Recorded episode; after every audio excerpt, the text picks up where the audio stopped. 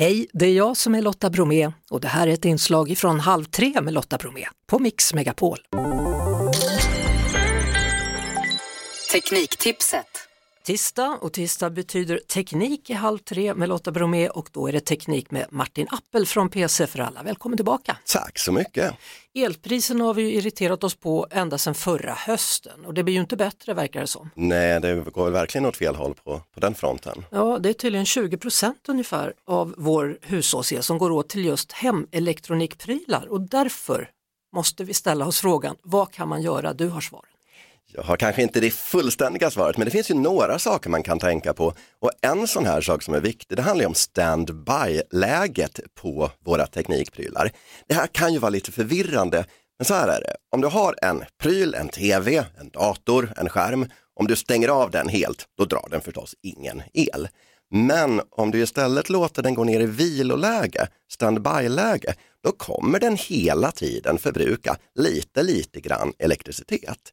Och fördelen är ju då att den går jättelätt att starta upp igen. Men nackdelen är att det kostar pengar när den står påslagen. Så att vad man ska göra det är att använda standby-läget med förnuft. Se till att den går ner i standby-läge när du är borta från teknikprylen en kort stund. Men när du går och lägger dig på kvällen eller om du ska åka bort, då är det ju väldigt mycket bättre att stänga av helt och hållet. Mm. Och nu pratar vi alltså om den där lilla röda pricken på tvn till exempel, som bara väntar på att du ska slå på den. Den lilla röda pricken på tvn eller på skärmen eller att datorn går ner i ett läge så det bara står och blinkar en liten, liten diod. Mm. Eh, sen kan man ju ansluta saker i sådana där grenuttag, det kan ju vara smart och enkelt. Det där är ett jättebra tips. Ett grenuttag, många av dem har ju en på och av-knapp.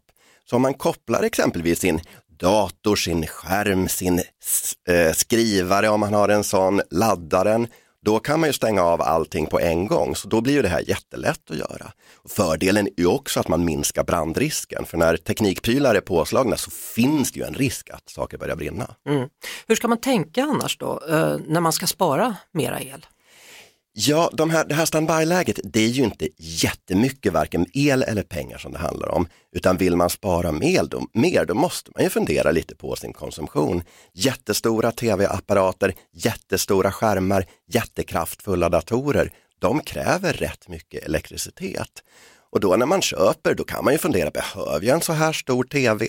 Man kan också titta på, det finns ju sån här energimärkning på alla våra prylar. Så där kan man ju se att man faktiskt får en pryl som är ganska snål. Mm. Så jag, jag, säger förstås inte att man inte ska titta på tv, men om man inte tittar, då är det ju dumt att ha den påslagen. Och radio är ju mycket mer elektricitetseffektivt än vad tv är. Alltid. Eh, och sen ska man väl såklart också jämföra elpriserna. Det finns speciella tjänster för att göra det. Det finns speciella tjänster för att jämföra elpriser. Elpriskollen är en sån här statlig tjänst från, eh, från statens håll och det finns privata tjänster som Compriser och Elbyte. Så här kan man faktiskt hitta en elleverantör som är billigare än den man har nu, för det är mm. lätt att byta.